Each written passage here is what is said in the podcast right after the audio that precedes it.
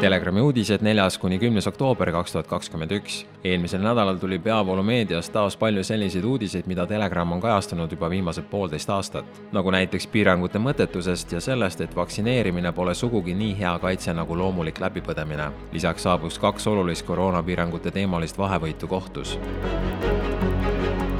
peavoolumeedia on ärganud mõttetud piirangud, õdedele kriisist raha ei jagu, riiki juhib hullunud teadusnõukoda. Postimehe arvamustoimetuse juht Martin Ehala kirjutas neljandal oktoobril, et koroonapiirangud on kaotanud igasuguse mõtte.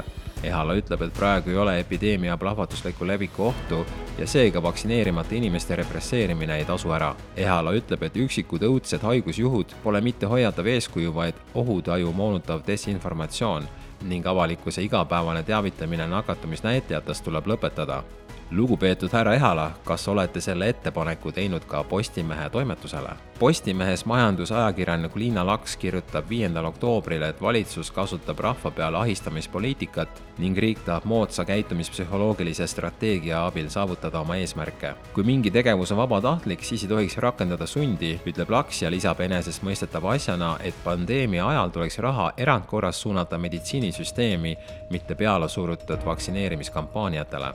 Kommunikatsioon kommunikatsioonibüroo Powerhouse juhataja ja konsultant Janek Mägi võttis asja Delfis teisel oktoobril ilmunud artiklis kokku. hullunud teadusnõukoja liikmed võtsid valitsuse juhtimise üle. nii eelmise valitsuse kui ka praeguse valitsuse liikmed pugesid esmalt maski taha ning siis kukkusid süstla otsa. suur osa valitud ja mandaatidega inimesi nägid kriisist välja ainult ühte teed vägivaldne vaktsineerimine ja ajupesu, kirjutas ta tabavalt. rahvas aga jaguneb kaheks, sõnakuulekad, kes uskusid iga sõna, mis valitsusest ja riigiasutusest tuli ning mässumeelsed, kes hakkasid vastu.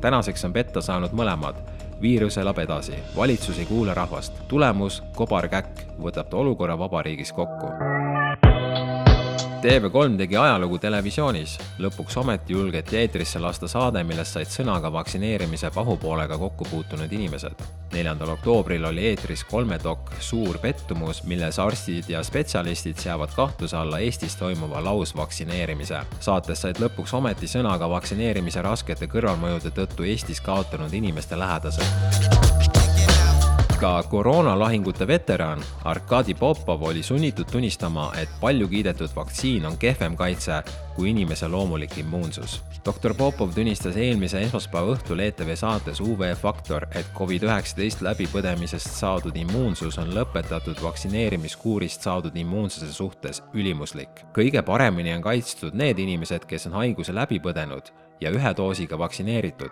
teisel kohal on need, kes on haiguse läbi põdenud ja kolmandal kohal on need, kes on kahe doosiga vaktsineeritud. just selles gradatsioonis need asjad käivadki, nentis doktor Popov. samale järeldusele osutavad ka hiljutised Tartu Ülikooli seireuuringu järjekordse etapi tulemused nimelt kinnitas seireuuringu juht, professor Ruth Kalda, et kogutud teabe kohaselt on Covid-19 läbipõdenute seas lõpetatud vaktsineerimiskuuriga isikutega võrreldes koroonaviirusega nakatunuid rohkem kui poole vähem, vastavalt null koma kolm ja null koma seitse protsenti valimisse kuulunud isikutest seda, et loomulik immuunsus kaitseb vaktsiinist paremini, tunnistasid ka Pfizeri enda vilepuhujad. Project Veritase salajases videos tunnistasid vilepuhujatest teadlased, et antikehad pakuvad Covid-19 vastu võrdset või paremat kaitset kui vaktsiin. So I mean well protected? Yeah. Like as much as the vaccine? Probably more. Soomes, Rootsis ja Taanis on aru saadud, et vaktsiinikahjustused võivad olla tõsised. Rootsi peatas Moderna koroonavaktsiiniga kaitse pookimise neile, kes on sündinud tuhande üheksasaja üheksakümne esimesel aastal või hiljem. Soome ei soovita Modernat alla kolmekümneaastastele. Taani peatas Moderna andmise alla kaheksateistaastastele. kuidas on Eestis? Soome terviseameti peaarst oleme arutanud, et kaks süsti saanud võiksid end paremaks kaitseks koroonaga nakatada. Ilda Lehti avaldas videointervjuu Soome Terviseameti DHL ülemarsti Hanna Nõhünegiga, kes kommenteeris koroonakriitikute väiteid muuhulgas ütles ta, et kaks doosi saanud täiesti terved inimesed võivad koroonasse raskelt haigestuda, kuigi enamasti nii ei juhtu. Riskirühma kuuluvad inimesed saavad vaktsiinilt madalama kaitse kui terved vaktsineeritud ning mainis, et DHL-is on mõeldud võimaluse peale soovitada kaks süsti saanutule end meelega koroonaga nakatada, et saada tugevamat kaitset. viimase idee pakkus välja Taani epidemioloog Lone Simonsen väljaandele Science antud intervjuus, öeldes, et kahe doosiga vaktsineeritud võiksid lasta end veel parema immuunsuse saavutamiseks koroonaga nakatada. see võiks toimida nii-öelda kolmanda vaktsiinidoosina